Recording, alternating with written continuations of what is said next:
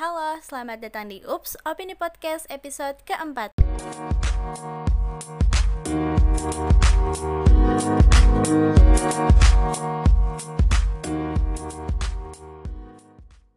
Halo Sobat Opin, balik lagi nih di Opini Podcast edisi keempat bareng aku Dinda yang nggak sendirian. Aku ditemani sosok yang udah nggak asing lagi nih di Opini Podcast, yaitu siapa lagi kalau bukan Kak Lutfi. Halo Kak Lutfi, apa kabar? Ya, halo Dinda kalian nanya kabar.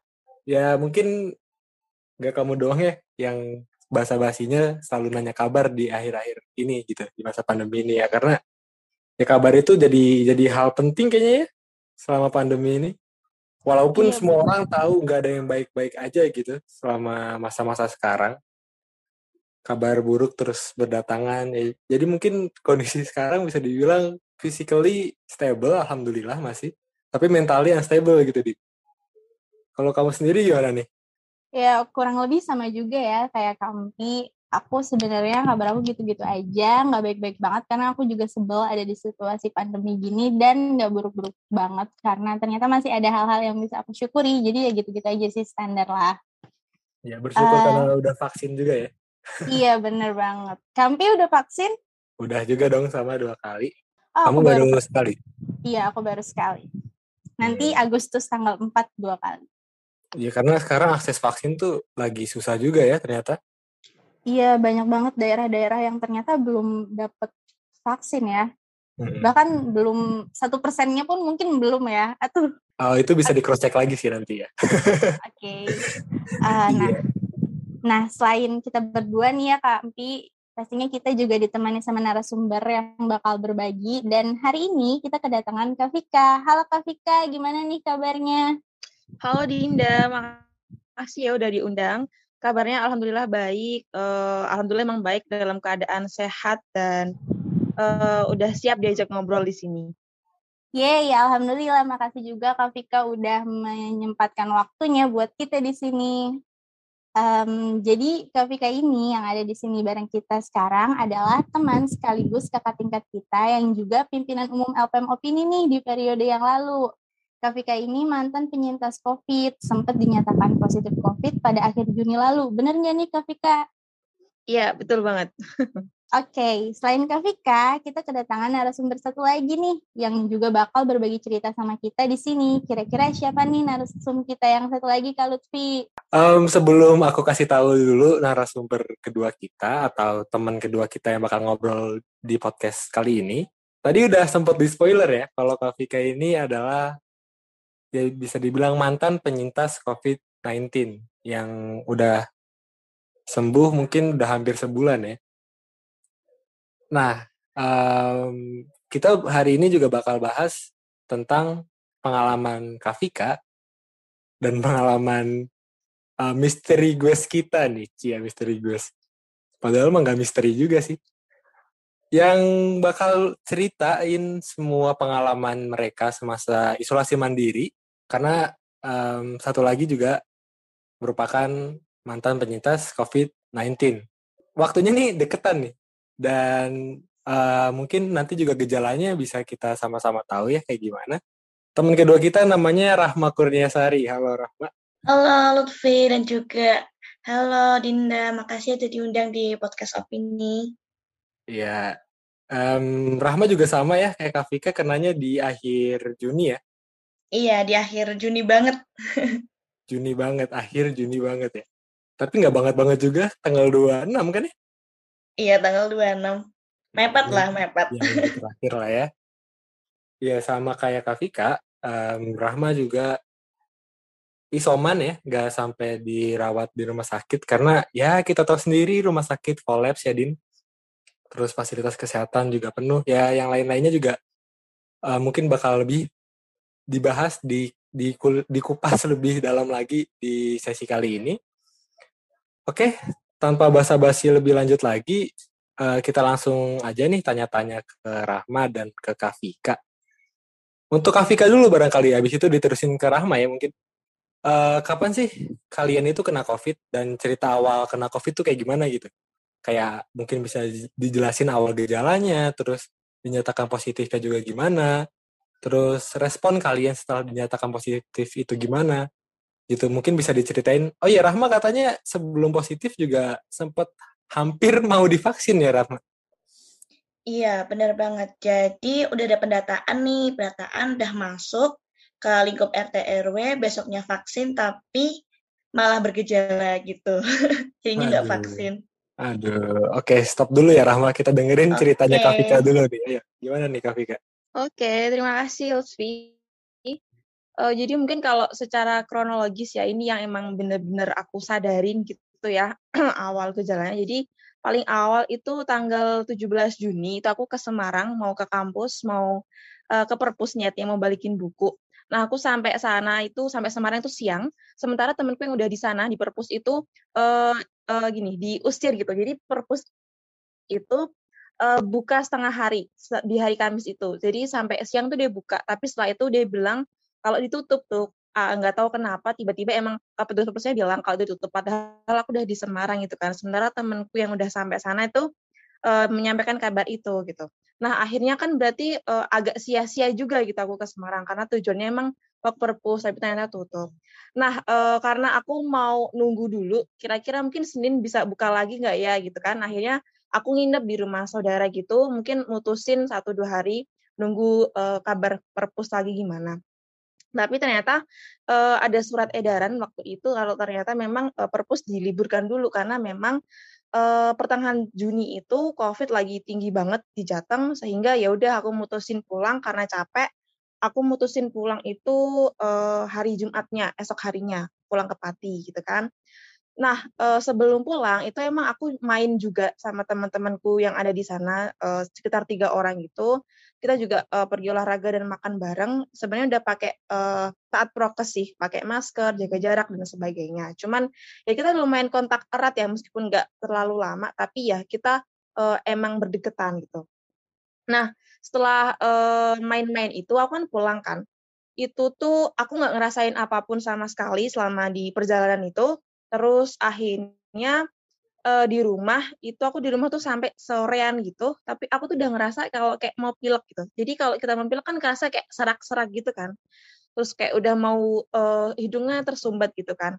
Nah, itu kayak uh, feelingnya nggak enak tuh ya, padahal udah habis main-main gitu kan, takutnya kenapa-napa. Nah akhirnya langsung diminumin uh, obat buat flu gitu, sama buat pencegahan radang, diminumin. Dan akhirnya tuh uh, sehat selama beberapa hari setelahnya sampai tanggal 20 itu nggak ada gejala lain apa pun gitu.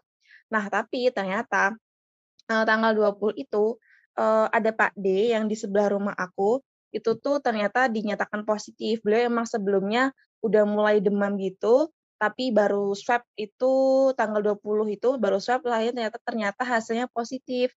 Nah, meskipun uh, aku nggak pernah kontak dengan beliau, tapi kayak secara psikologis itu aku mulai ini kayak ngedoktrin juga gitu loh kayak aku positif nggak ya? gitu. Kayak jadi takut gitu loh. Padahal nggak pernah kontak sama beliau tapi muncul ketakutan dalam diri aku sendiri gitu. Nah sehingga setelah uh, dipastikan beliau positif sehingga uh, barisan rumah yang di sebelah beliau itu ada rumahku sama rumah nenek itu kan berjejeran gitu kan bertiga rumah itu.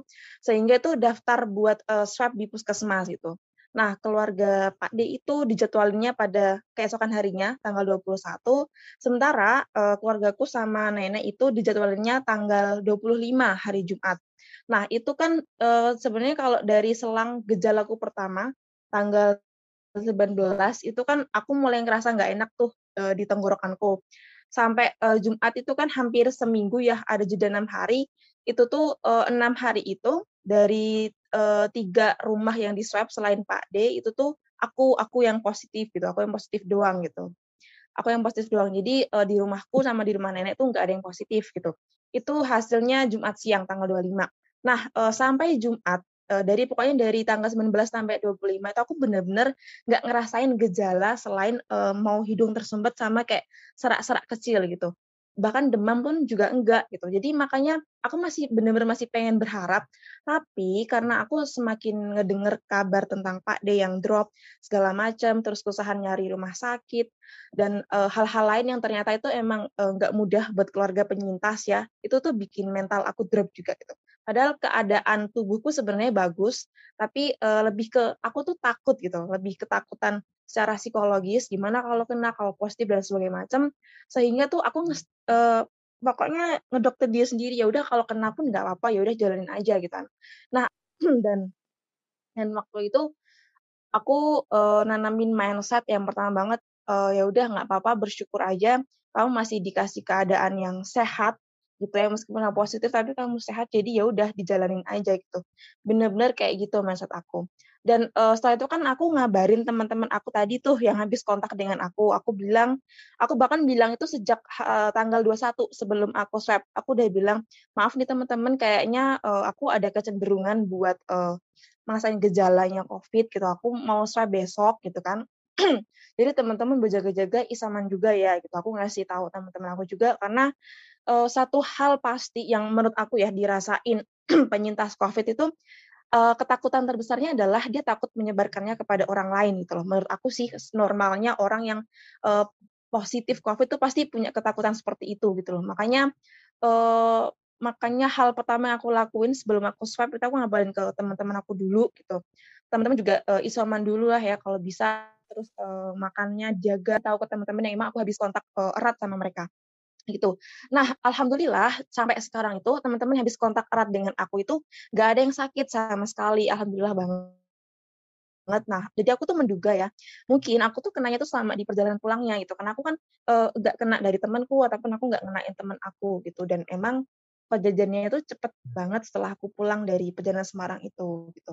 Jadi uh, kayak gitu. Tapi uh, sampai sekarang yang masih benar-benar uh, aku syukuri ya, karena aku masih punya banyak kesempatan buat survive gitu ya, dan uh, gejalanya nggak terlalu berat. Tapi uh, entah aku nggak tahu ini tuh teman-teman kalau pernah dengar psikomatik gitu kan, jadi kalau uh, kita pernah mendiagnosis diri kita uh, terhadap gejala-gejala tertentu, tapi mungkin itu datang dari sugesti psikologis gitu. Jadi mungkin kita sebenarnya tubuhnya nggak sesakit itu, tapi karena sugesti pikiran, tubuhnya malah uh, mengeluarkan respon uh, penyakit tertentu gitu.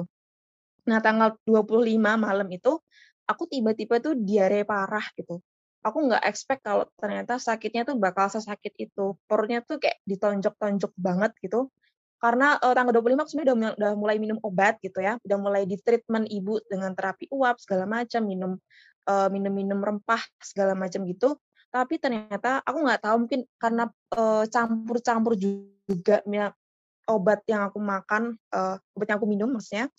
Jadi uh, tiba-tiba aja selama hampir enam hari aku tanpa gejala yang berarti, itu tanggal 25 malam, itu aku tiba-tiba diare parah gitu, bener-bener gak bisa dipakai tidur, bolak-balik kamar mandi mungkin ya 10 kali lebih selama habis maghrib sampai uh, sampai sebelum subuh gitu. Itu bener-bener parah, aku belum pernah diare yang seperti itu ya. Perutnya itu kayak ya ditonjok-tonjok banget dan bener-bener gak bisa dipakai tidur gitu dan apa ya di momen itu tuh yang bener-bener aku cuma manggil ibu ibu-ibu doang itu kan sambil sambil merem juga ternyata nggak bisa mengurangi rasa sakit. Karena kan aku sakitnya tengah malam ya jadi kan nggak bisa tiba-tiba minta obat gitu. Nah akhirnya sampai keesokan harinya baru bilang sama ibu dimintain obat ke puskesmas gitu beli obat. Terus uh, dan ternyata diare itu nggak bisa cepat sembuh juga gitu satu sampai dua hari uh, kram di perut itu masih sangat terasa gitu. Tapi uh, selama yang aku rasain itu emang aku nggak punya uh, demam, nggak punya demam gitu, nggak punya demam, batuk, terus nafas itu enggak.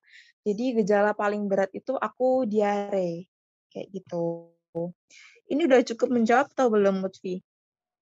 Cukup banget sih, Kak. Jadi okay. um, gak nggak diduga juga ya persebaran kena COVID-nya tuh ternyata dari perjalanan gitu, gak sesuai sama dugaan awal yang yang ngiranya awalnya dari teman-teman gitu ya. Jadi mungkin Iya betul banget nggak uh, expect mungkin. Mm, di mana pun kapan pun, selain walaupun kita tetap kita pakai prokes juga tetap harus waspada ya. Karena kan di perjalanan juga kalau Kafika ya pasti ya, pakai prokes kan ya. ya di perjalanan tuh pun kan uh, kalau Semarang Pati paling kan dua setengah jam ya. Itu aku juga sama hmm. sekali nggak berhenti gitu loh. Jadi ya dan pakai masker terus kan. Jadi ya benar iya, kita iya. nggak iya. tahu dari mana. Hmm, terus juga Kafika tadi bilang gejalanya nggak berat. Tapi aku sendiri yang denger kayak aduh berat banget ya. Kalau kayak kayaknya kalau aku yang ngerasain gitu sampai diare gitu. Diare biasa aja tuh udah udah nggak enak gitu. Apalagi kalau udah sampai cukup akut kayak gitu ya terima kasih banget nih Kak Vika um, udah berbagi pengalamannya kalau Rahma gimana nih Mak lanjutin yang Oh. tadi deh yang vaksin tadi Oke, jadi kalau awalnya itu hari Senin itu tanggal kisaran 21 Juni itu aku tiba-tiba tuh demam. Nah, demamnya tuh yang langsung naik di kisaran 39 derajat gitu kan. Eh, terus aku kira itu oh paling demam biasa sih. Kan juga cuaca gitu kan kemarin cuacanya lagi enak banget. Akhirnya ya udah istirahat aja banyakin minum banyakin makan dan sebagainya gitu. Nah tapi kemudian itu mulai kayak kok agak batuk-batuk ya tapi bukan yang batuk-batuk parah gitu batuk-batuk kecil gitulah. Nah terus eh, apa namanya nggak berselang lama itu mulai dari ibu kakak sama adik tuh juga ngerasa nggak enak badannya. Nah akhirnya kan kita sekeluarga kayak mulai was-was kan dan ya memperkirakan kemungkinan terburuk itu kita positif COVID. Dan akhirnya uh, kita isoman dulu. Setelah isoman itu tanggal 25 Juni itu ibu uh, apa namanya uh, memberanikan diri untuk swab PCR dan hasilnya positif. Karena itu uh, akhirnya sekeluarga memutuskan besoknya tanggal 26 Juni itu kita memberanikan diri juga buat swab antigen. Dan hasilnya itu ayahku negatif, aku positif, adikku juga positif. Dan itu yang ngebuat aku jadi gagal vaksin. Kan nggak boleh kan kalau misalnya masih positif COVID tapi vaksin.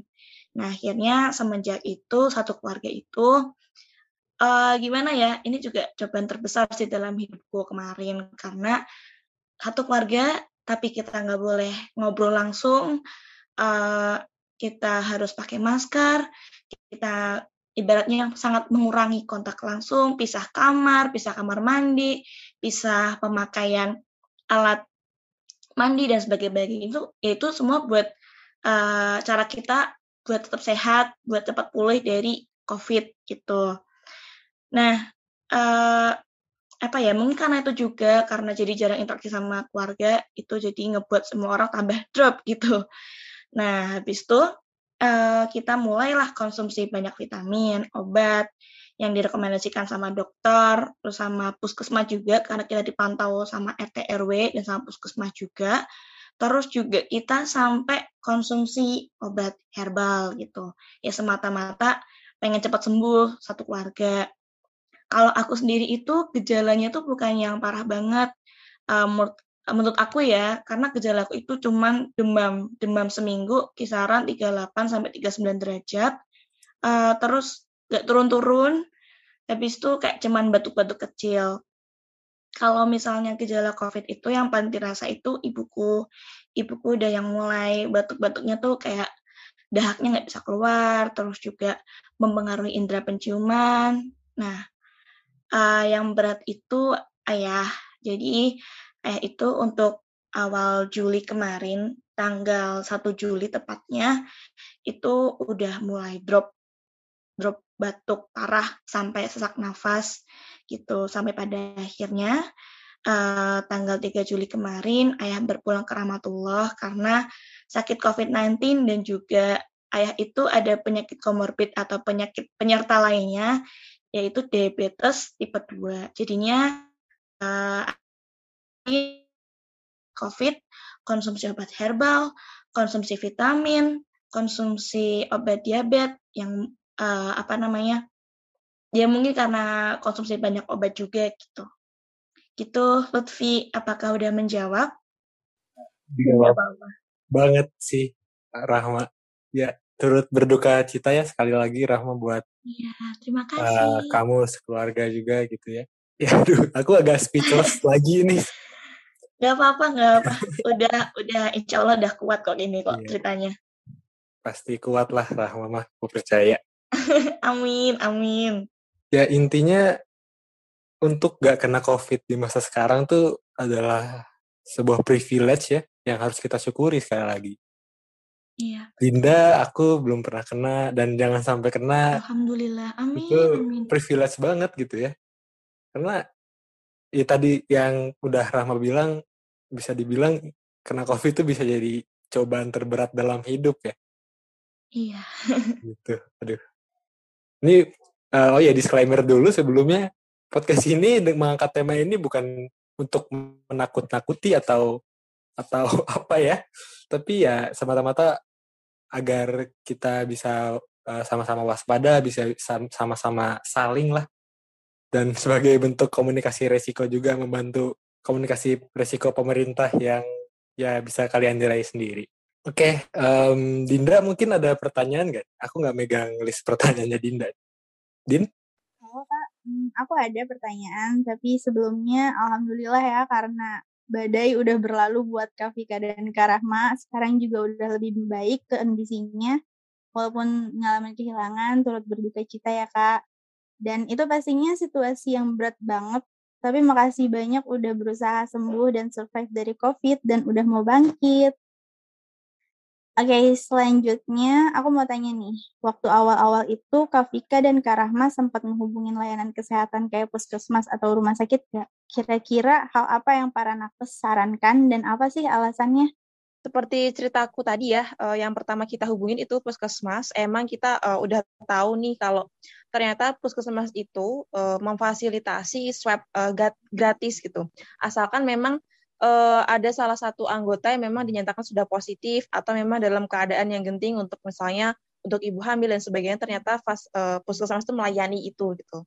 Dan setelah uh, dinyatakan positif itu puskesmas itu menyarankan ya untuk isoman tapi sebenarnya kalau boleh jujur ya nggak ada panduan resmi yang dikasih oleh mereka ataupun konsultasi konsultasi-konsultasi yang uh, sifatnya dibutuhkan gitu loh. Jadi setelah positif itu yang ngambil obat itu kan ibu gitu ya. Mungkin uh, ibuku emang punya inisiatif untuk bertanya-tanya gitu kan selain harus minum obat seperti apa seperti apa. Tapi uh, sejauh yang diinformasikan itu memang uh, terbatas gitu loh. Pengawasannya pun nggak ada gitu. Pengawasannya atau tracking atau tracing kayak gitu tuh nggak ada setahu aku. Dan memang uh, hanya sebatas memfasilitasi pelaksanaan swab itu untuk keluarga yang mendaftarkan kakaknya di sana namun setelah itu untuk perawatan lebih lanjut itu memang dilakukan oleh keluarga kita secara mandiri gitu kalau uh, rumah sakit sendiri itu dilakukan uh, untuk keluarga Pak D gitu kan. Pak D kan memang uh, gejalanya berat udah sampai sesak nafas gitu kan dan dalam butuh dan dalam keadaan yang butuh perawatan intensif di rumah sakit. Dan uh, sebenarnya itu susah banget uh, di Pati sendiri itu memang akhir-akhir uh, Juni itu susah banget. Kita juga udah ngecek uh, bed gitu di situs web yang udah tersedia ya untuk uh, di rumah sakit per kota di Indonesia itu emang dalam keadaan yang penuh gitu. Kita udah coba ke sana kemari dan ternyata benar-benar dapat slot itu ya di di eh, masa-masa uh, kritisnya beliau gitu loh. Dan itu baru uh, bisa dapat kayak gitu. Itu pun setelah itu uh, masih butuh banyak obat yang harus ditebus dan memang harganya juga nggak murah gitu kan. Dan uh, kalau beliau di sana emang ya beliau isoman cuma boleh dijenguk ketika uh, kita nganterin makanan, ditipin orang-orang sana, uh, dan hal-hal seperti itu sih gitu. Gitu Dinda. Oke, jadi kalau untuk prosedur atau um, saran-saran yang sifatnya konsultasi itu belum ada ya ternyata. Terus um, mereka sekedar memfasilitasi swab gitu. Um, Oke, okay, kalau untuk Kak Rahma sendiri gimana nih?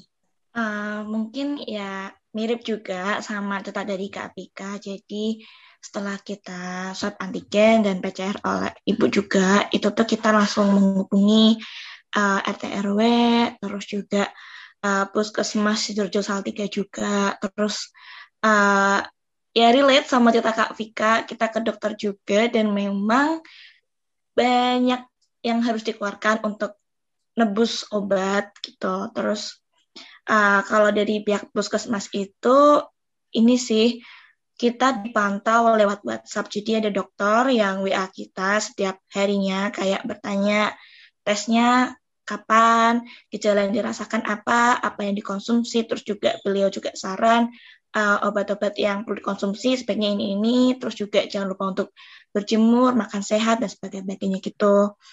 Uh, uh, kalau misalnya untuk yang ayah itu kita sempat bawa ayah ke RSUD karena memang kondisinya sudah uh, drop sekali, udah batuk, udah sesak, bahkan diajak ngobrol pun sudah sulit karena uh, apa ya batuknya tuh kayak bukan batuk biasa gitu loh teman-teman.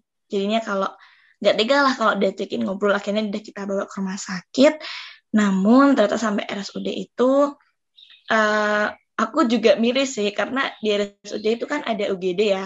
Nah UGD itu juga penuh sama pasien COVID gitu. Uh, sampai ada yang di luar juga, sampai ada yang di kursi roda dan sebagainya gitu. Nah setelah kita bawa ke dokter, mungkin juga di sana dokter dan juga para tenaga kesehatan kan juga banyak pasien dan itu benar-benar kondisi uh, apa ya aku lihat secara live gimana dokter bolak-balik nakes bolak-balik dengan Eh, nggak uh, bisa jalan santai gitu loh kayak terburu-buru gitu. Harus rawat ini rawat itu ambil obat ini terus apa namanya melakukan pemeriksaan pada pasien ini itu gitu. Akhirnya setelah kita konsultasi pada dokter itu kita nggak bisa rawat inap karena sampai di tempat pun uh, ayahku itu dapat bednya itu bukan bed yang di ruangan itu bukan tapi uh, bed yang sisa dari kamar terus ditaruh di luar pintu gitu. Jadinya gimana biasanya? Kayak di luar ruangan lah istilahnya. Nah, terus akhirnya karena nggak bisa rawat inap, lalu dokter menyarankan gimana kalau rawat jalan aja. Ini nanti kita berikan uh, apa namanya obat yang bisa ditebus dan itu gratis dari pemerintah karena obatnya untuk penyembuhan COVID. Ya sudah, kita akhirnya uh, memutuskan untuk rawat inap di rumah, isoman di rumah gitu. Terima kasih ya Kak Vika dan Kak Rahma. Kurang lebih sama ya bisa relate satu sama lain. Rumah sakit UGD-nya penuh, dokter lebih menyarankan rawat jalan karena penuh itu, terus nakes juga hektik, eh, nggak bisa kasih konsultasi. Um, kalau Kak Empi ada nggak yang mau ditambahin?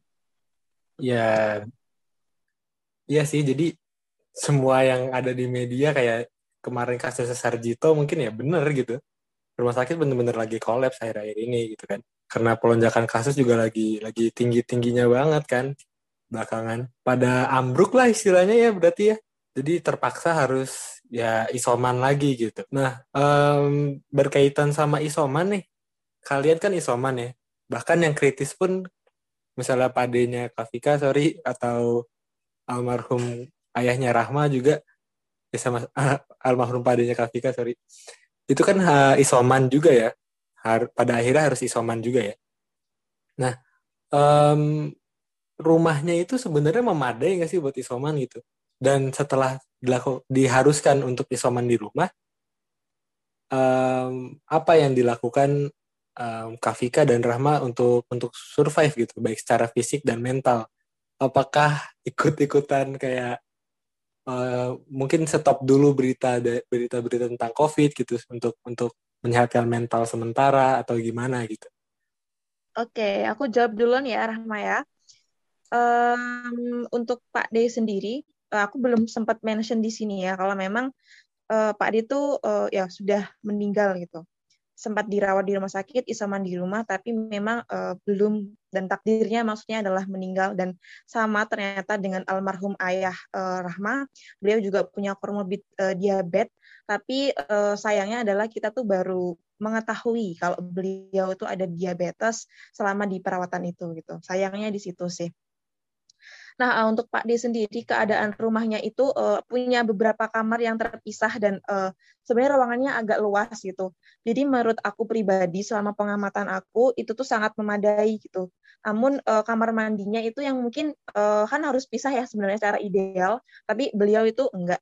Nah, tapi uh, dari cerita yang emang bener-bener aku baru dengar kemarin itu beliau tuh pernah pernah uh, kan ada anak anak uh, usia SD gitu ya. Dia, beliau masih punya anak usia SD dan ketika uh, anak itu tuh pengen misalnya kayak mau ngasih perawatan ke Pak D, itu Pak D tuh bener-bener menolak gitu loh, menolak untuk didekati oleh uh, anggota keluarganya gitu.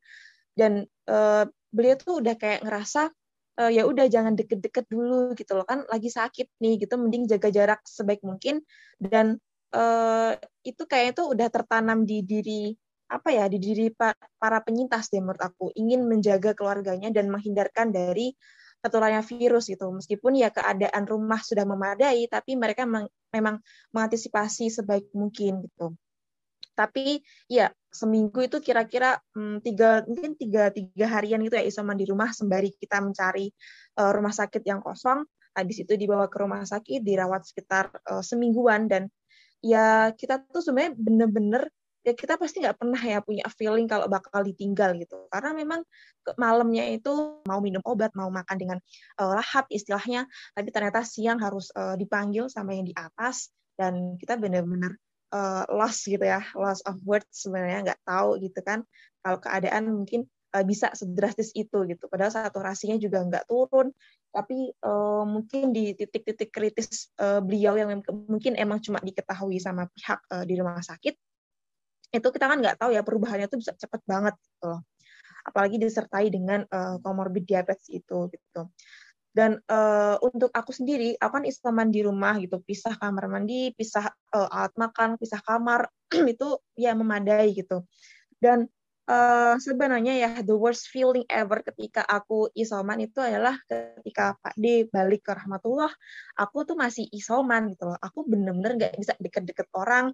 Bahkan ketika disampaikan kabar itu juga aku pastinya nangisnya sendirian ya di kamar karena aku nggak bisa berbaur dengan orang lain, nggak bisa menerima penghiburan secara langsung, dan nggak bisa menguatkan anggota keluargaku yang lain dan nggak bisa ikut uh, tahlilan tujuh hari dan sebagainya pergi ke makam juga belum bisa kan karena memang aku masih isoman gitu. Sehingga uh, itu jujur uh, lumayan bikin ngedrop lagi gitu kan. Dan um, waktu itu sih sejatuh-jatuhnya ya mungkin secara psikologis sehingga kalau apa yang aku lakukan selama masa isoman tuh aku um, apa ya aku tuh aku masih main HP sih. Aku juga menerima uh, berbagai dukungan dari teman-teman aku gitu kan karena uh, aku juga menyampaikan kabar ini ke teman-teman. Cuman uh, iya teman-teman banyak yang support gitu terus dikirimin makanan dan sebagainya. Tapi jujur ya uh, aku sekarang tuh baru ngerti gitu lah rasanya kehilangan tuh nggak uh, bisa ditebus dengan apa pun gitu loh. Nggak bisa ditebus dengan apa pun. Tapi uh, aku berterima kasih untuk uh, semua teman-teman yang selama ini tuh ada dan tetap mendukung gitu. Dan apa yang aku lakuin selama Islam tuh uh, jujur itu kayak cuma bisa ngedengerin lagu sih dan dan nangis sebenarnya dan nangis gitu. Karena kan aku tipe orang tuh yang gampang berempati dan aku nggak mau menahan emosi ya. Jadi aku ngerasain apa pun itu aku aku let it flow gitu. Aku nggak mau nahan kayak sesek gitu nggak aku nggak biarin. Kayak aku kan suka nonton series tapi di titik itu tuh kita nggak akan pernah bisa gitu loh e, nama menelan penghiburan dalam bentuk apa pun. Sehingga aku lebih milih aktivitas yang emang dia tuh mendukung penyaluran emosional aku. Kalian dengerin lagu yang uh, melo-melo dan sebagainya. Jadi itu sih gitu. Itu jujur yang uh, bikin aku survive selama masa isoman yang emang nggak enak banget. Dan ya aku um, aku emang ya nggak siap banget baca berita apa pun gitu, berita apa pun. Apalagi di akhir Juni itu bener-bener sehari tuh ada ada story story dari teman-teman yang mungkin juga berduka kan itu kalau ngebaca itu kan juga ikut nangis gitu jadi ya uh, ngebatasin penggunaan HP dan ya cuma diem di kamar intinya selain selain berjemur yang di luar ya cuma di kamar seperti itu Bi. Aduh merinding ini saya. Jadi bener-bener kehilangan di masa pandemi itu berduka aja tuh nggak bisa gitu ya. Gak kayak kayak kayak nggak selesai gitu dukanya. Kayak apa ya kalau kata Evi Maria nih di tulisannya tuh duka ini nggak tuntas gitu gitu ya Kak Vika kira-kira ya. Berarti um, Kak Vika gak, gak baca berita tentang COVID ya selama selama isoman ya? Atau ya, betul kan? ya? Iya benar. Karena apa ya? Karena COVID-nya kan udah di depan mata aku ya. Aku ngerasa hmm. aku nggak butuh informasi baru dari luar gitu. Hmm, kecuali kalau misalnya butuh oksigen atau yang lain sebagainya kali ya. Nah, kalau urusan oksigen itu dihandle sama uh, anak Pak D aku. Kan hmm. Pak D juga hmm. butuh uh, donor darah kemarin ya itu sampai nyari di Semarang, oh, di Semarang. Ya, uh. jadi kan uh, karena kan yang selain aku kan negatif ya. Jadi mereka semua yang ini yang berusaha gitu. Ya aku doa dari rumah aja. Hmm. Ya, oke oke. Ya warga bantu warga lah ya sekarang istilah yang lagi rame ya. Tapi ini mungkin keluarga bantu keluarga dulu dari mulai dari keluarga dulu gitu ya. Betul. Uh, Ya, tapi uh, dengan dengan uh, Kak Vika nggak baca berita COVID saat isoman, bukan berarti di sini kita membenarkan um, kabarnya sempat viral kalau uh, ada kampanye untuk menyetop berita negatif tentang COVID ya teman-teman. Kita tetap harus harus harus terus menerima informasi berkaitan dengan COVID dalam artian harus terus jalan gitu informasi tentang COVID karena kalau nggak kalau nggak jalan ya kewaspadaan kita bisa hilang terus um, apa tingkat tingkat kesadaran kita kewaspadaan kita tuh bisa sama sekali hilang gitu apalagi untuk orang-orang yang belum kena gitu kan. Kayak nganggep remeh atau lain sebagainya kan banyak golongan-golongan seperti itu. Ya oke kalau Rahma gimana nih ceritanya Rahma? Uh, untuk bisa survive secara fisik dan mental selama masa isoman gitu dan rumah kamu nih memadai gak buat isoman? Oke, uh, kalau alhamdulillah kondisi rumah itu memadai untuk isoman karena memang kita itu rumahnya terdiri dari beberapa kamar dan juga kamar mandi, jadinya kita bisa dipakai sekeluarga tanpa harus kontak langsung. Uh, terus juga almarhum ayah itu juga sama dengan almarhum Pak D Kak Vika di mana setelah mengetahui positif dan sebagainya itu jadi uh, apa ya sangat was-was gitu sangat tidak mau untuk didekati karena merasa bahwa bisa menularkan batuk dan sebagainya lalu juga untuk sekeluarga itu kita pakai masker setiap waktu ganti masker 4 jam sekali um, tangan, uh, terus juga apa pakai hand sanitizer itu semua kita lakukan juga.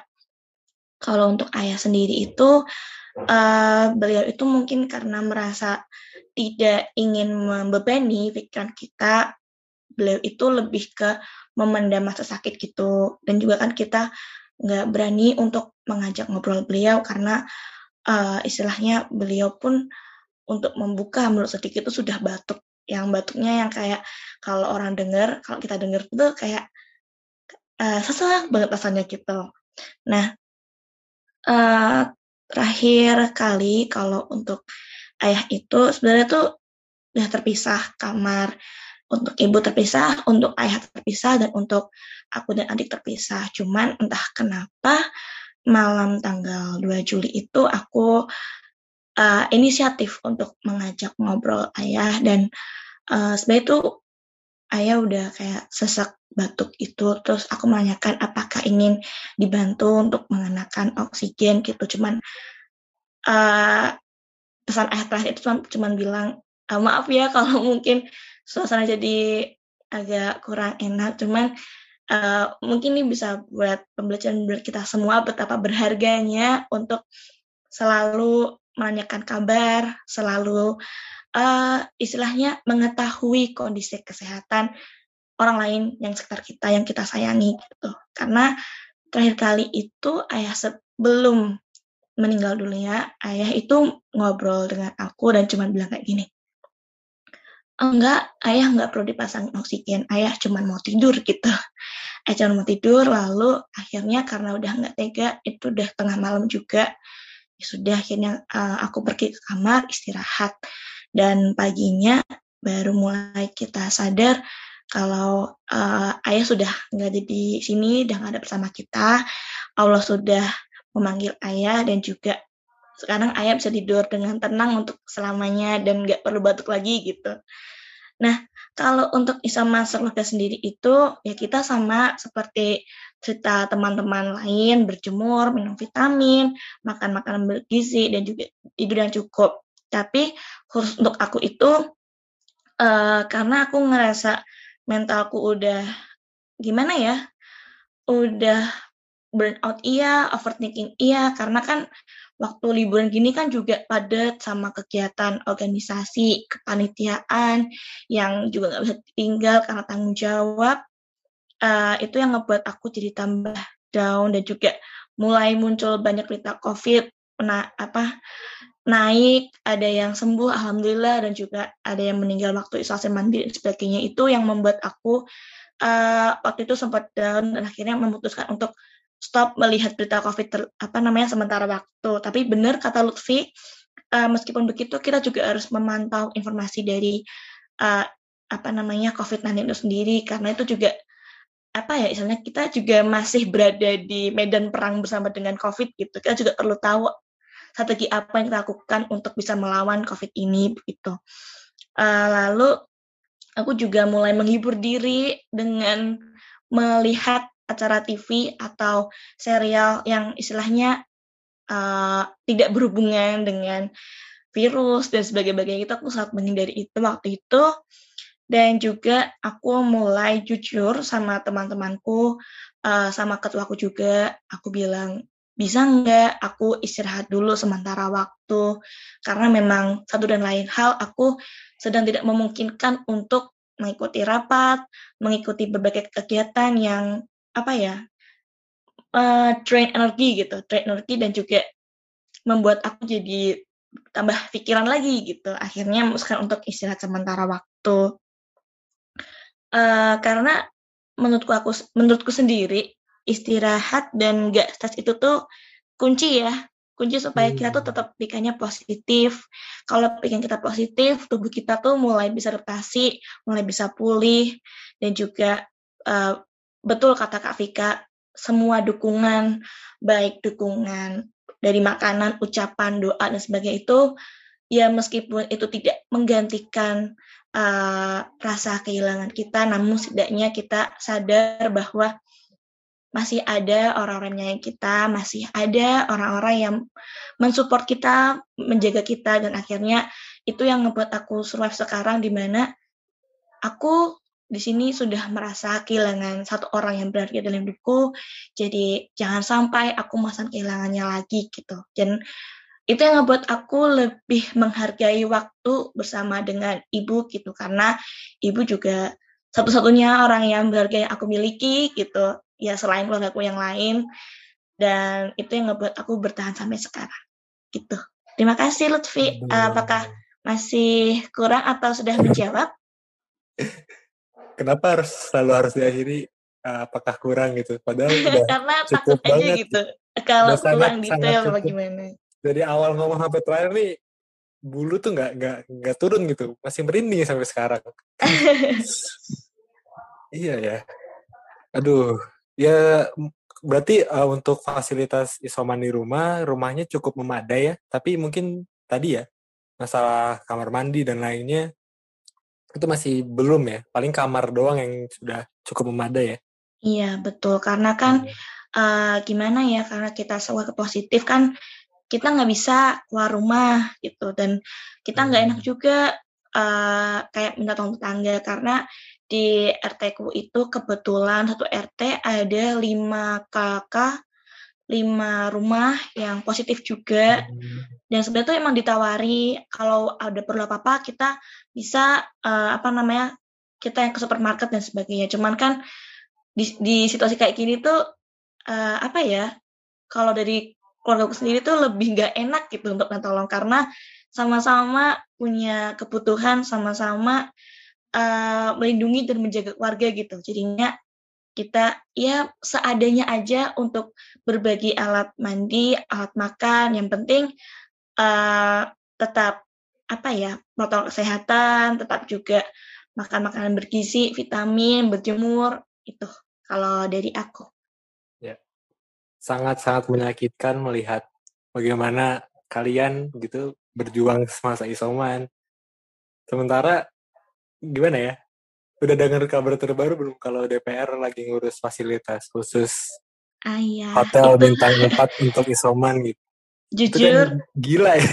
Iya, jujur waktu pertama kali dengar dan tahu berita itu tuh uh, sakitnya luar biasa karena uh, gimana ya? Bukan hanya aku sebenarnya merasakan membawa keluarga jauh-jauh ke rumah sakit hanya dengan harapan untuk satu bed aja. Tolong hmm. gitu, kayak sampai saya memohon gitu. Satu bed aja, satu ruangan aja yang tersisa. Setidaknya kita bisa menyelamatkan nyawa keluarga kita dengan harapan sembuh bisa kembali dengan kita dan ketika melihat uh, kok bisa ya ada berita seperti itu dan kok bisa ada kebijakan seperti itu di kala uh, rakyat yang apa ya kesulitan untuk mendapatkan fasilitas rumah Kesehatan, sakit yang ya. fasilitas kesehatan yang semestinya diberikan terlebih dahulu karena uh, apa ya sangat penting lah gitu harusnya mengutamakan rakyat gitu. Karena ibaratnya kalau kata kasarnya tuh kita bayar pajak untuk siapa sih? gitu. Kita bekerja uh, terus menyisihkan uang kita itu untuk siapa sih lalu kita juga rela untuk membayar berapa berapapun hanya untuk mendapatkan kamar, hanya untuk mendapatkan fasilitas kesehatan gitu. Tapi uh, aku juga kurang tahu kenapa ada kebijakan yang menurut aku itu kurang tepat. Kalau misalnya itu uh, diberikan kepada dokter, kepada tenaga kesehatan, aku sangat bersyukur dengan hal itu. Tapi kalau untuk diberikan kepada pejabat yang menurut aku ya uh, dalam perspektifku itu tidak bertemu dengan orang-orang yang terkena COVID setiap hari dan mereka juga punya rumah mewah sendiri, punya rumah apa ya yang dengan kondisi memungkinkan, sangat memungkinkan untuk mereka isolasi mandiri di rumah. Jadinya aku agak menyayangkan untuk kebijakan seperti itu. Iya, saya juga sangat menyayangkan. Gimana kamu yang udah merasakan gitu ya? Kita semua inisiatif support teman-teman yang COVID, yang isoman, inisiatif bantu-bantu mereka gitu, inisiatif cariin obat, cariin oksigen, sementara dewannya pakai anggaran negara buat isoman di hotel bintang 4 gitu kan. Pakai duit kita gitu loh. Kan sangat menyesakan gitu ya. di di tengah-tengah 2.700 lebih total kematian isoman di luar rumah sakit sampai hari ini dari KPK sendiri ada tanggapan kayak uh, tentang berita tersebut gitu? Iya. Ini saking saking ya. saking konyolnya tuh sampai sampai ketawa gitu ya, sorry. Iya. Sebenarnya uh, baca sebenarnya sebelum itu kan kita juga udah baca ya gimana respon pemerintah gitu kan PPKM segala macam tuh ya uh, udah di titik marah sih sebenarnya kan apa pun kayak nggak kerasa nggak ngerasanya tuh nggak ditanggapi dengan serius gitu loh. Uh, apalagi lihat uh, be tweetan beberapa beberapa pejabat gitu yang yang nggak menunjukkan empati di tengah suatu situasi yang kacau seperti ini itu bikin marah. Apalagi ngelihat itu ya headline berita seperti itu. Itu aku bahkan nggak punya minat untuk ngeklik karena aku udah tahu ya inti headline uh, inti berita kan ada di headline-nya itu dan itu datang dari uh, datang dari media yang kredibel sehingga aku nggak ngerasa perlu untuk ngeklik karena kalau ngeklik aku jadi marah gitu loh. Sehingga aku cukup tahu informasi itu dan ya semakin nggak terima dengan kebijakan seperti itu gitu. Dan uh, undang-undangnya menurut aku udah cukup diwakili Rahma tadi bener lah siapa yang terima gitu loh. Rakyatnya kan lontang-lantung nyari bed di rumah sakit mereka malah ditawari fasilitas di hotel bintang sekian gitu kan. Ya sekalian nggak etis itu juga menghambur-hamburkan uang gitu jadi ya buat apa sebenarnya gitu. Mereka menurut aku benar-benar bentuk bentuk kebijakan yang nggak menunjukkan empati di tengah situasi yang benar-benar chaos seperti ini. Setuju. Sangat setuju dengan pendapat Kapika. Nggak berempati dan ya tidak berdasar sains juga sih kelihatan hmm. dari kebijakan-kebijakannya dan ya dari awal pandemi bahkan ya nggak pernah kayak kayak nggak pernah belajar gitu. Tapi sebenarnya capek juga ya ngeluh soal ini gitu. Udah capek dari dari udah setahun kita ngeluh soal ini gitu kan iya. Oke okay. uh, Dinda sendiri gimana Din? Soal soal isu ini gitu soal isu pemerintah ini Ya, sama sih ya kayak Kak Fika, Kak Rahma, dan Kak Empi juga nggak terima, apalagi um, mereka digaji terus nanti difasilitasinya juga dari pajak orang-orang yang wajib pajak yang salah satunya mungkin orang tua kita ya dan yang nggak terima banget sih. Sedangkan orang-orang di sekitar kita luntang lantung atau susah dapat fasilitas gitu. Gitu sih. Jadi ya sekali lagi sekarang nggak nggak bisa ngarepin ke pemerintah juga ya ya sekali, lagi masyarakatnya sendiri yang kayaknya lagi-lagi dibebankan ke masyarakat gitu untuk untuk saling bantu, saling tolong. Um, Dinda gimana nih? Ada pertanyaan nggak? Hmm, aku ada, aku ada pertanyaan lagi. Kan kita sering dengar atau lihat berita ada penyintas COVID yang dikucilkan, yang diusir atau apalah. Tapi ada juga berita positif antar tetangga saling ngejaga, saling merhatiin dan um, pokoknya mereka ya yang sekarang lagi ditegakkan kan warga jaga warga, tetangga jaga tetangga. Um, kira-kira gimana sih respon orang-orang sekitar setelah tahu Kafika dan Karahma positif COVID? Kalau uh, mungkin ini agak terdengar berbeda ya. Jadi waktu kami satu keluarga positif itu kita menerima banyak bantuan, alhamdulillah dan juga uh, banyak ya kiriman makanan, terus juga ditawarin kebutuhan lainnya, terus juga direkomendasikan juga sama uh, tetangga untuk minum vitamin ini ya, minum obat ini ya gitu. Uh, mungkin ini situasinya agak berbeda ketika almarhum ayah meninggal di rumah. Uh, ya pasti kita nggak bisa ya istilahnya membuat tem, apa ya kayak tetangga itu jadi ngerasa safe gitu kan karena memang kebetulannya di RT ku tuh apa dalam waktu yang bersamaan, almarhum ayah meninggal dan juga uh, tetangga di belakang rumah itu juga meninggal. Jadinya kan uh, mungkin tetangga-tetangga sekitar tuh sudah mulai yang panik gitu ya, sudah mulai yang was-was dan sebagainya. Kalau waktu ayah meninggal kemarin itu responnya menurut aku agak cukup berbeda karena memang uh, meninggalnya di rumah, akhirnya ya rumah kita disemprot sebagainya gitu disinfektan terus juga uh, banyak pandangan yang menurut aku dan ibu tuh agak kurang menyenangkan gitu.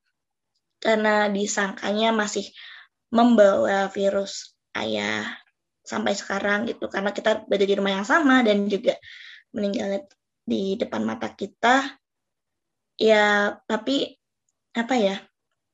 Kalau kayak gini kita juga nggak bisa nggak bisa marah juga karena memang gimana ya ibaratnya kalaupun kita di posisi seperti itu mungkin kita juga akan masalah hal yang sama. Karena ketakutan berlebihan dari berita dari media dari kita mengalami langsung dari tetangga terdekat itu mungkin jadikan banyak skeptis yang akhirnya timbul gitu. Kalau dari aku. Oke, izin komentar ya, Berarti ya, emang ya boleh. emang sorry ini buat buat tetangga-tetangga ya Rahma kalau denger. Berarti emang situasi di sana tuh masih apa ya? Ya masih ada stigma-stigma tertentu ya terhadap terhadap penyintas gitu. Iya, masih ada. Uh, hmm. Tapi bukan menurut aku tuh berbeda sih kalau kalau yang aku rasakan tuh ketika satu keluarga COVID responnya itu saling membantu itu hmm. aku rasa satu satu RT gitu ya satu lingkungan gitu tapi waktu kabar ayah tersiar bahwa ayah meninggal karena COVID juga di rumah juga dan posisinya sekeluarga juga di rumah yang sama itu ya banyak pandangan yang yang negatif gitu. Jadinya uh, apa ya ini mungkin uh, semoga tetangga-tetangga saya nggak dengar gitu ya. Ini mungkin cerita yang bisa dibilang lucu tapi juga sakit hati juga. Jadi uh, ibuku kan sudah positif eh sudah negatif gitu ya sudah negatif. Hmm. dan akhirnya ya berbelanja lah di depan rumah gitu. Dan itu kan juga jaga jarak juga gitu. Uh, ibuku ingin ambil satu barang kalau nggak salah tempe gitu. Itu nggak sengaja itu tuh semacam menyenggol dikit lah gitu nyenggol dikit lalu ada orang yang kayak nyotok lah bilang eh jangan deket-deket gitu Bisa. terus uh, apa ya itu sih yang membuat ibuku jadi kayak kepikiran ya gitu dan hmm. ya omongan orang tuh kadang gak dikontrol gitu kan jadinya kita keluarga yang masih berduka tuh akhirnya kayak ngerasa kok perlakuannya berbeda gitu tapi ya gak apa-apa karena itu ya alhamdulillah cuman kayak segelintir orang lah dari sekian orang yang benar-benar care dan tulus sama keluarga kita gitu ini tanda sih kalau kalau komunikasi resiko di di negara kita nih masih masih belum berhasil ya iya edukasi betul. dan komunikasi resiko masih ya mungkin udah udah banyak cuman mungkin nggak nggak efektif aja gitu. Ya buktinya masih banyak stigma stigma aneh di masyarakat kayak contohnya yang Rahmat tadi jelasin. Iya betul. Ini Kak Vika udah terhubung ya sama tetangga. Tapi kalau dengar gak apa sih. Tolong banget jangan gitu. Kita udah negatif dan insya Allah sehat terus gitu. Harus didengar sih Be. Sadar gitu. Amin ya kalau udah negatif kan ya ya udah gitu. Iya. Kak Vika udah terhubung belum ya? Udah, Mbi, udah. Ya. Kalau dari Kak Vika ada gak nih uh, stigma yang mirip kayak Rahma atau mungkin beda nih? Oke. Okay sebenarnya aku relate banget sama Rahma, apalagi pengalaman ibunya gitu ya. mungkin kurang lebih kita di lingkungan yang sama ya Rahma, ya mungkin masih terasa gitu kan pedesaannya. Kalau aku emang bener-bener desa banget gitu, desa banget sehingga yang uh, yang ngerasain yang ngerasain perbedaan perlakuan sikap atau diskriminasi itu sebenarnya ibu aku gitu kan. Karena kan beliau memang uh, selalu belanja tiap pagi gitu kan. Tapi ya hal-hal seperti dijauhi atau misalnya nih uh, yang pedagangnya nih pedagang kelilingnya tuh uh, pada suatu hari tuh nggak mau ngejualin itu ke ibu aku itu juga ada kayak gitu. Hal-hal seperti itu uh, pertama itu bikin aku shock banget gila gitu kayak wow gitu sampai segitunya. Padahal ibu aku tuh sehat dan nggak nggak nggak positif gitu. Tapi kan ya emang sebenarnya mereka juga nggak tahu ya kalau dilihat dari gambaran secara umum kan keluarga itu yang kena. Jadi mereka mengantisipasinya dengan uh, sikap mengambil jarak seperti itu gitu kan. Tapi ya itu tetap melukai melukai kita gitu kan dan sehingga kalau ibu belanja itu beliau titip sama uh, saudara kita yang rumahnya agak jauh gitu kita titip di sana sehingga nanti diantarin ke rumah kita gitu kan dan uh, tapi tuh uh, aku ngerasain ramah juga sih. Kayak ninggalin bekas banget lah diperlakukan seperti itu gitu.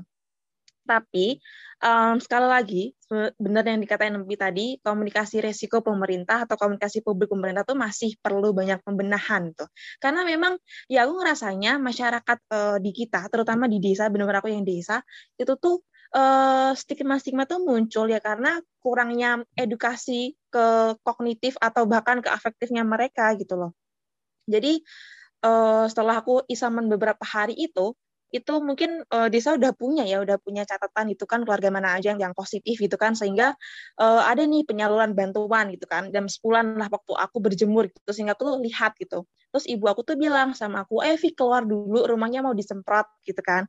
Oke, okay, mungkin disemprot sampai dalam lah ya. Karena kan yang lebih memungkinkan uh, virusnya bertahan kan ya mungkin ruanganku gitu loh. Ruanganku dan ruangan rumah-rumah gitu kan yang di bagian dalam maksudnya. Nah tapi ternyata waktu aku keluar itu tuh kayak kayak feelingku tuh udah nggak enak. Dalam artian ada nih suara uh, pakai pakai toa yang besar gitu pakai speaker tuh diangkut di uh, apa namanya call. Call tuh bahasa apa pick up ya. Di pick up mobil pick up itu mobil yang terbuka pick up. Ada speaker besar di sana terus ada ada penyemprot juga.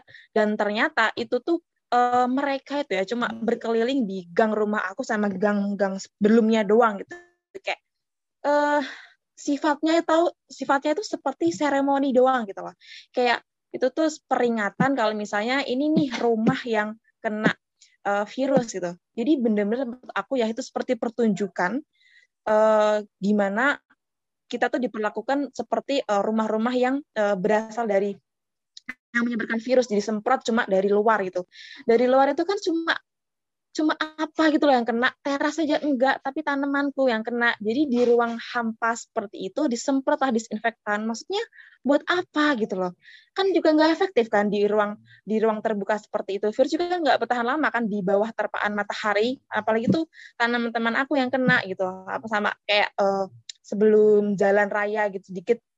Jadi dua rumah tuh digituin digituin terus dikasih kayak sembako sama masker tuh masker mereka yang kasih itu masker kain, masker kain dan tidak terbungkus. Jadi dipegang pakai tangan, dikasih terus dimintain foto gitu.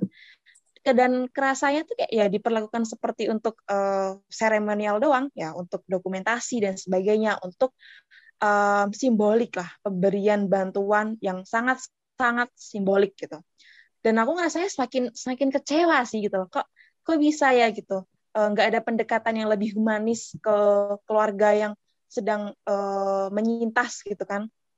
Sangat-sangat uh, buruk sih yang melihatnya. Dan mungkin kalau teman-teman hmm, mungkin mungkin ada pendapat yang mungkin kayak misalnya nih karena di desa gotong royongnya tinggi dan sebagainya uh, belum tentu belum tentu. Karena tadi komunikasi publik pemerintah dengan masyarakat di desa itu malah mungkin nggak terlalu efektif loh. Dan berakibat pada uh, diskriminasi antar warga yang lain. Sehingga kalau boleh milih nih ya, isoman di desa atau di kota, aku milih di kota gitu. Karena aku dengar banyak cerita dari teman-teman yang isoman juga di kota, mereka lebih lebih punya space dan lebih dihargai sebagai manusia yang membutuhkan untuk uh, untuk isoman dibanding di sini tuh uh, nggak banyak ruang geraknya gitu dan ya diskriminasi lebih banyak dialami oleh ibu aku dibanding aku karena aku nggak keluar rumah kan jadi yang dengar suara uh, suara-suara kayak gimana atau perlakuan itu uh, lebih ke keluarga-keluarga kami gitu kayak kayak gitu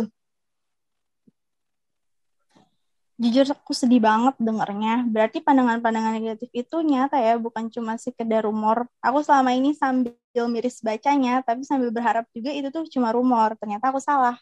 Walaupun yang kayak gini emang nggak bisa dikontrol, siapa pun mungkin akan panik. Cuma kita berharap pandangan begitu berkurang lah, karena sebagai yang ngalamin juga pasti nggak berharap, bahkan nggak mau kena COVID kan. Makasih hmm. Kak Vika dan Kak Rahma udah mau cerita um, habis ini Kampi ada pertanyaan lagi nggak? Ya, sebelum itu aku mau nanggepin dulu sih Kak Vika, cukup menarik ya. Itu yang yang nyemprot-nyemprot itu suruhan siapa deh? Kocak banget. uh, eh, FYI ya, uh, itu emang seperangkat desa, ada kepala desa dan uh, pejabat-pejabat daerah. Ya, ya. pejabat daerah. Lagi-lagi ya. ya udah gitu tahu lah gitu ya kalau udah seremoni seremoni kayak gitu ya tahulah siapa dalangnya gitu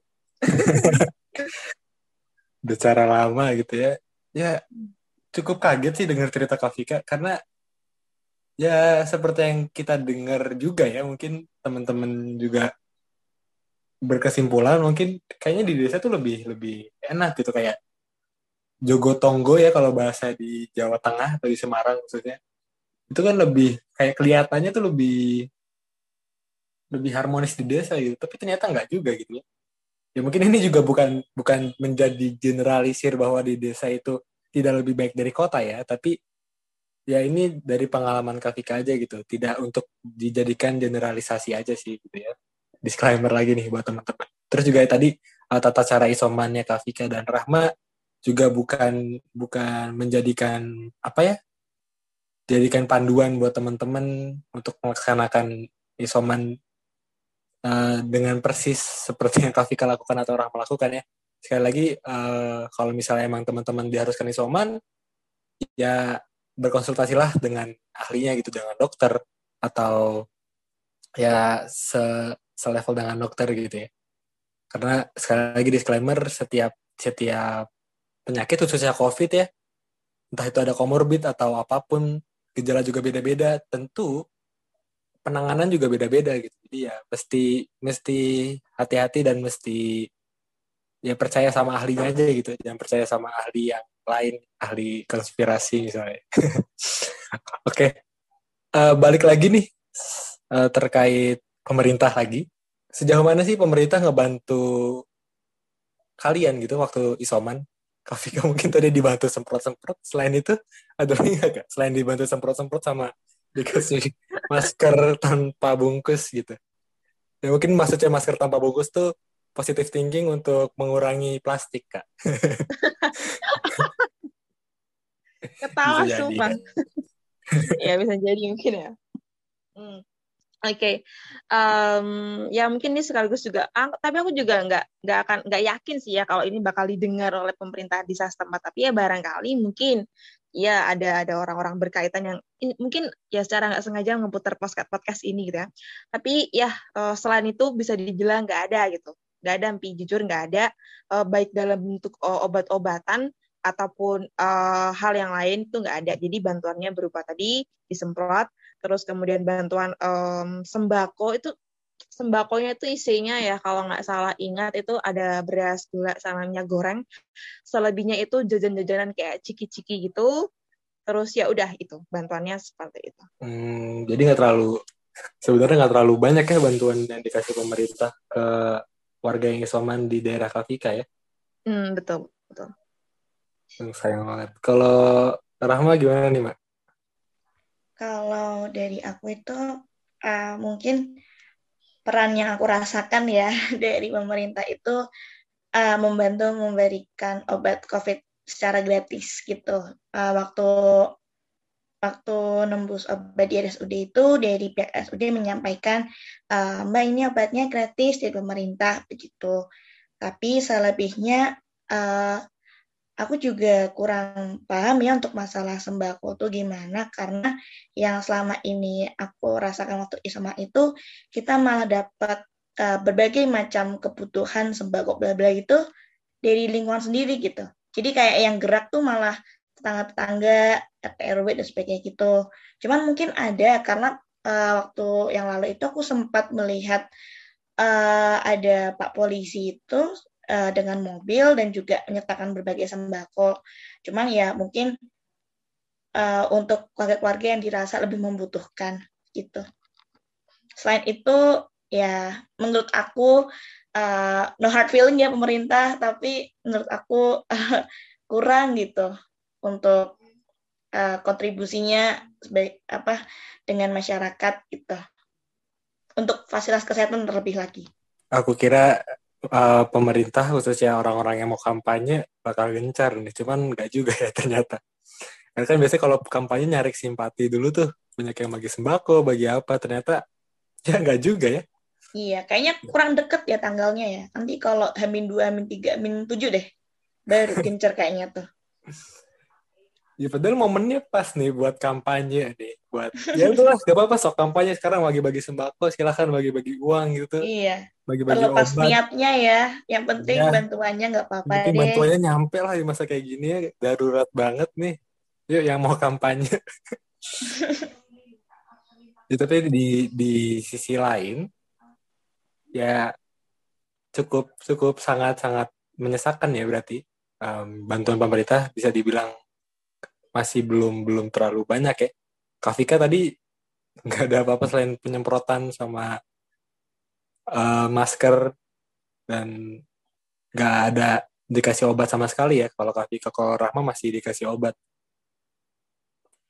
Gitu. Um, aku juga ada cerita sih dari temen akhir-akhir ini di akhir Juli ini dari pertengahan sebenarnya itu PCR di puskesmas itu tuh habis loh. Antigen aja tuh nggak ada. Temanku jadi waktu uh, minggu kemarin, ya sekitar dua minggu lalu, itu positif COVID. Tapi dia dinyatakan positif bukan oleh puskesmas gitu, tapi dia tes tes sendiri karena pas dia ke puskesmas itu nggak ada PCR atau atau apa namanya antigennya. Tapi adanya vaksin. Kalau mau vaksin kan ya nggak pas lah gitu lah. Jadi ya dia memutuskan untuk antigen sendiri di di salah satu klinik. Bayar tentunya nggak dibayarin pemerintah. Dan dia positif gitu. Baru setelah dia isoman beberapa hari 4 sampai lima hari puskesmas baru ngasih jadwal PCR gitu. Ke dia. Kan kan lucu ya. Udah agak terlanjur lewat gitu ya agak iya. terlambat. iya momennya terlambat banget gitu. Dan yang aku heran kenapa di klinik bisa ada tapi di puskesmas gak ada gitu. Bisa bisanya iya. gitu. Ya apakah lagi ya, bener. Lagi aku juga... vaksin apa gimana? Gimana tuh Mek? kalau aku tuh juga ngerasa sama kayak temen nyampe sih. Maksudnya uh, apa namanya saking gregetnya mau tahu hasilnya kita apa tuh kalau puskesmas kan kayak harus nunggu kan. Nunggunya juga nggak tahu kapan akhirnya ya udahlah klinik aja. Dan ya sebenarnya itu agak membingungkan ya menurutku karena masih di satu kota yang sama tapi kenapa stoknya bisa beda-beda gitu. Dan uh, apa ya dan mirisnya tuh gini mirisnya tuh alhamdulillah kemarin masih ada rezeki untuk bisa bayar tes gitu. Tapi kan membayangkan keluarga yang lain yang uh, untuk makan susah apalagi untuk tes kan jadinya uh, agak sedih gitu kalau misalnya harus tertunda lama untuk tes PCR ataupun swab antigen gitu. Padahal mereka juga uh, istilahnya perlu tahu gitu mereka tuh sedang positif atau enggak kayak gitu kalau dari aku sih. Iya iya benar-benar emang di masa kayak gini di masa susah ditambah susah lagi buat tes doang gitu ya. Menyedihkan sekali hidup di negara semacam ini di situasi seperti ini. Nah oke, okay. um, tadi udah banyak cerita ya soal kehilangan, soal kekecewaan, soal banyak lah ya yang udah diceritain sama Kafika dan Rama banyak sekali, banyak yang bisa kita dapetin juga. Um, in general nih, secara umum, entah ditujukan ke siapa, dari Kafika dan Rahma, ada kekecewaan atau kemarahan atau hal lainnya yang mau ditumpahkan gak nih sekarang? Um, mungkin ini lebih ke orang-orang yang nggak percaya COVID ya, yang masih ya kemarin ada berita masih mengadakan acara ulang tahun dengan dengan ya dengan berbagai atributnya dan juga aku tuh paling nggak suka sama alasan mengadakan acara terus bilangnya ini udah swab gitu. Ini udah vaksin kok gitu. Udah tahap prokes gitu ya? Iya apakah bisa menjamin gitu loh. Dan itu tuh termasuk yang melanggar protokol kesehatan. Uh, maksudku kalau pemerintah itu melarang apa kayak mengadakan kebijakan ppkm itu tuh itu, apa berlakunya untuk semua orang gitu loh. Bukan bukan buat rakyat kecil aja gitu. Dan oh ya kembali lagi untuk orang-orang yang di luar sana yang masih nggak percaya covid aku cuman pesan uh, semoga tidak perlu merasakan kehilangan terlebih dahulu untuk bisa percaya.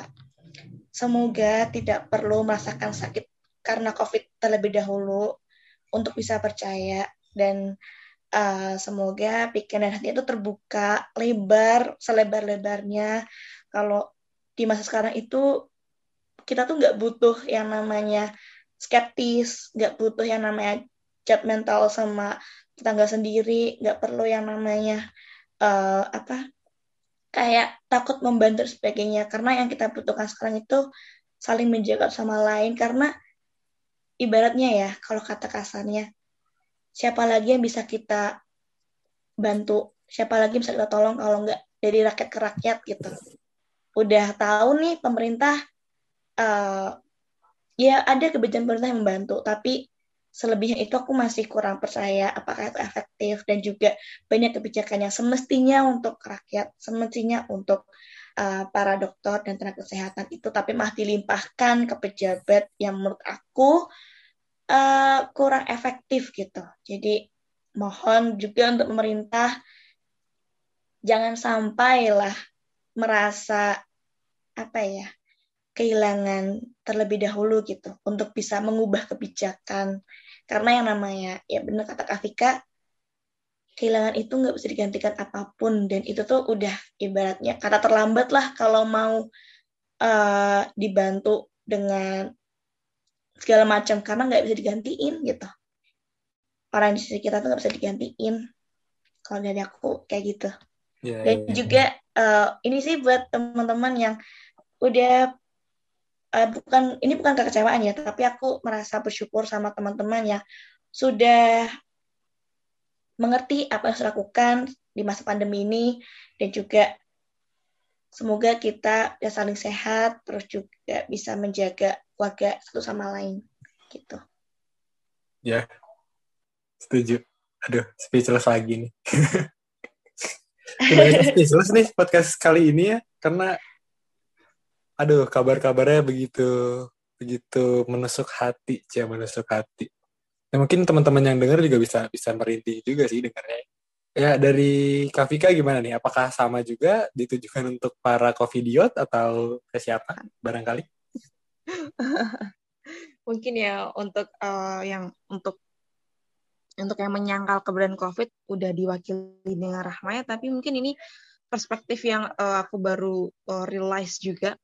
Um, banyak masyarakat di sekitar aku gitu ya, uh, ya di beberapa daerah lain ataupun uh, apa pun yang aku lihat gitu ya, baik itu di media, media sosial dan sebagainya, itu aku masih melihat uh, di waktu genting seperti ini, apalagi ppkm ya level 4 itu tuh ternyata masih banyak banget keluarga yang menyelenggarakan uh, pesta pernikahan gitu. Sementara di saat yang bersamaan uh, banyak yang menggelar rumah duka. Memang dua hal ini nggak bisa dibandingkan. Cuman uh, kalau sedikit mau lebih lebih aware gitu ya untuk untuk misalnya untuk keluarga mereka sendiri, uh, apakah mungkin bisa gitu ya uh, perayaan pernikahan ini dibuat sederhana mungkin atau dibuat seminimal mungkin untuk uh, bagaimana mencegah kontak dengan uh, antar orang gitu karena menurut aku ironis gitu loh uh, dan menja nggak sih akhir-akhir ini tuh aku masih bener-bener ngeliat banyak teman-teman aku yang pergi ke kondangan dan itu itu emang bener-bener pesta selayaknya pesta gitu bedanya mereka pakai masker tapi untuk jaga jarak itu agak susah gitu Perayaan pernikahan tuh masih dilaksanakan secara uh, maksimal di berbagai tempat yang aku tahu gitu. Dan itu cukup uh, mengecewakan gitu kan. Sementara uh, beberapa keluarga sedang benar-benar berjuang untuk menjauhkan dirinya dari orang lain, tapi uh, ada ada beberapa hajat yang uh, mungkin kalau nggak bisa ditunda, kenapa nggak lebih disederhanakan aja gitu loh.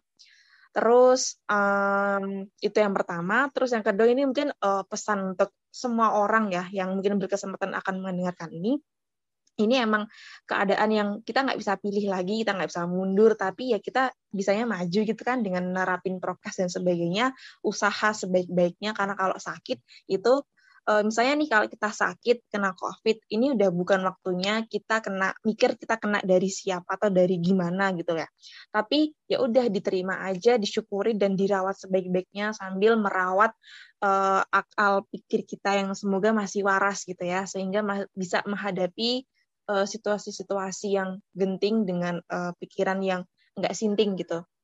Misalnya seperti itu sehingga nanti uh, teman-teman uh, aku percaya mungkin kita akan bisa melewati ini tapi tidak dalam waktu yang sebentar atau sebentar lagi gitu karena um, aku sudah lama gitu ya nggak menantikan lagi dunia tanpa masker karena ini udah jadi uh, kenyataan baru yang aku nggak nggak nggak pernah bisa ekspektasi sebentar lagi kita bisa sekolah offline bisa kegiatan-kegiatan dengan uh, balik seperti semula karena itu hampir tidak mungkin gitu hampir tidak mungkin mengingat bagaimana sifat penyebaran virus ini gitu. Sehingga kalau boleh ya kita mungkin uh, less expectation aja gitu biar lebih lebih tenang aja batinnya dan lebih legowo gitu.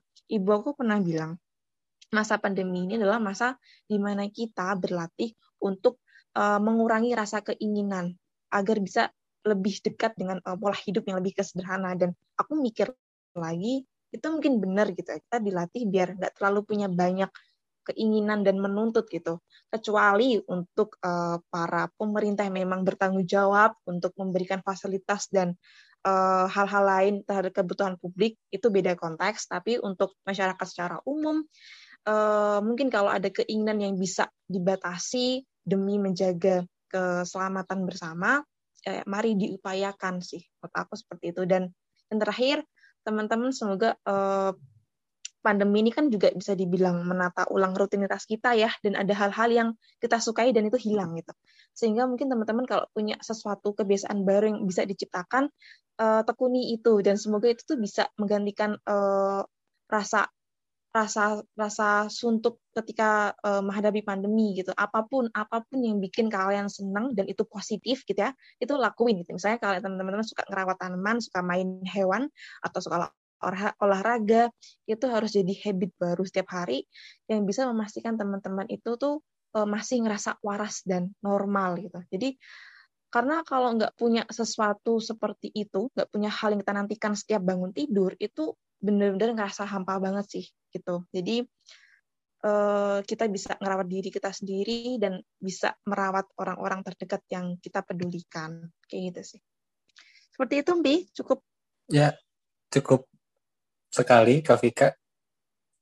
Um, kalau Kak ini berarti lebih ke ya masih banyak ya kak orang yang melanggar prokes di masa-masa um, aduh aku agak malas nyebutnya tapi gak apa-apa deh masa-masa PPKM level sekarang PPKM level Udah tahu ya tiap tiap daerah levelnya beda jadi nggak tahu bisa nyebut level berapa gitu. Kayak series ya. Iya jadinya kayak enggak kayak kayak, kayak Ricis tau gak nih? Ricis level satu Oh, iya. Liga 4 kayak kayak gacoan gitu. Ini gacoan, tahu kan ya? Bahkan eh, bukan cuman dari masyarakat aja yang yang notabene eh, mungkin kognitifnya beda-beda-beda gitu ya. Yang disayangkan juga bahkan dari dari em, ranah akademis masih belum mampu membendung aktivitas mahasiswanya untuk KKN online gitu. Walaupun emang di Undip sendiri karena kita ranahnya Undip ya, udah udah nyebar nyebar informasi tentang surat edaran tentang KKN harus full daring, tapi nyatanya dapat dengar kabar dari teman-teman yang lain, nyatanya masih banyak yang yang offline gitu. Bahkan sampai ada yang jaga posko gitu dan lain sebagainya itu kan sangat-sangat mengkhawatirkan ya. Baca juga kemarin di kawal COVID di Unsut lagi rame juga gara-gara KKN yang offline. Itu kan ranah akademik ya.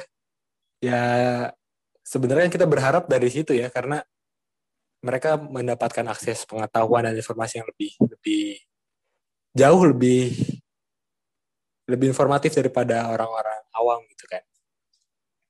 Oke, mungkin ini kan udah satu jam lebih, gak kerasa banget nih. Ternyata udah satu jam lebih kita ngobrol-ngobrol.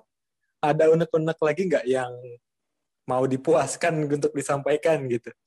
Aku boleh pesan satu lagi nggak, Bi? Ini buat teman-teman yang mungkin sedang eh, sakit COVID mungkin. Oh iya boleh, mau pesan apa Rahma? Es teh manis Oke. satu. Iya. Eh, nasi gorengnya berapa mas pedesnya? aduh, aduh. ya lanjut, lanjut. lanjut. Maaf, bercanda Oke. mulu. Karena tadi udah udah selesai ya marah-marahnya dan juga ini beratnya aku mau kasih semangat sama teman-teman untuk yang mungkin sekarang sedang terpuruk karena keadaan ataupun juga sakit COVID-19. Eh, hang on there, don't lose hope, tetap ikhtiar buat sembuh, eh, istilahnya tetap taat protokol kesehatan dan ya dari mulai menggunakan masker yang benar, cuci tangan, terus juga menjadi kerumunan dan sebagainya itu lakukanlah untuk diri kamu sendiri dan juga untuk keluarga kamu gitu. Dan kan enak tuh kalau udah sehat semua, bisa kumpul sama teman-teman lagi, sama kerabat lagi, sama keluarga gitu. Dan semoga uh, Allah di sini ngeriduin kita semua, tetap tetap sehat, tetap uh, apa ya, bisa menjaga mental dan juga psikis kita dalam menghadapi masa pandemi ini bersama. Udah, gitu aja. Makasih untuk Lutfi dan Dinda. Ya, ya aku yang harusnya lebih berterima kasih kepada kamu karena kan kamu yang yang mengapa ya? Ya istilahnya bahasa bagusnya mengedukasi kita semua gitu. Untuk untuk bisa jadi lebih baik di masa pandemi ini gitu dengan pengalaman kamu gitu. sama-sama. Seneng sih kalau ada sharing gini. Ah, masa? Apa gombalan Iya. doang nih di sini? Iya, gombalan sih biar besok diundang lagi sih sebenarnya. Oh, besok jadi podcaster ya kamu ya? Boleh, boleh deh, boleh. Kita atur lah, Oke. atur. Oke, ini ini di, di, di belakang layar aja kita ngomonginnya ya. Oke, sekarang Iya, Kak, Kak Vika ada yang mau diomongin nggak? Atau udah cukup? Atau ada yang belum puas buat diomongin? Aku udah cukup, udah terwakilkan semuanya. Oke, udah udah pada lega semua ya. Ya, yang lain pada lega, aku masih berinding ini dengar cerita-cerita tadi. Dinda gimana, Din? Kamu apakah ada yang ingin disampaikan atau apa gitu? Em, kalau aku mau nyampein sedikit sih, mungkin cuman hal-hal kecil. Kalau menurut aku sedih, marah, kecewa itu, eh, ini mau ngerespon yang tadi Kak Vika dan Kak Rahma ya. Kalau menurut aku sedih, marah, kecewa itu menurut aku adalah respon paling manusiawi ya sekarang ini di situasi kayak gini. Dan setuju banget sama pernyataan Kak Rahma tadi ya. Sekarang tuh bukan waktunya buat skeptis apa pun alasannya. Dari yang mungkin logis sampai yang sama sekali nggak make sense kayak konspira- konspirasi-konspirasi yang selama ini beredar. Kita tuh lebih butuh empati biar nggak usah ngerasain yang pahit, cuma biar ngerti seserius apa COVID. Menurut aku empati plus upaya pencegahan tuh udah cukup banget. Terus ya dari podcast ini setuju banget juga sama Kampi. Udah uh, podcast ini tuh bikin speechless karena banyak cerita-cerita yang aku nggak bisa bayangin dan kayak gitu deh. Dan teman-teman opini yang ngedengerin podcast ini banyak banget hal-hal yang bisa kita petik ya. Nggak usah lagi skeptis, ngejudge dan hal-hal negatif lainnya. Kita udah nggak butuh hal negatif di situasi seperti ini. Buat teman-teman yang masih survive semangat terus. Kak Vika dan Kak Rahma ini udah jadi contoh kalau seberat apa pun situasinya pasti bisa dilewatin. Gitu sih Kak. Ya setuju nih sama Dinda.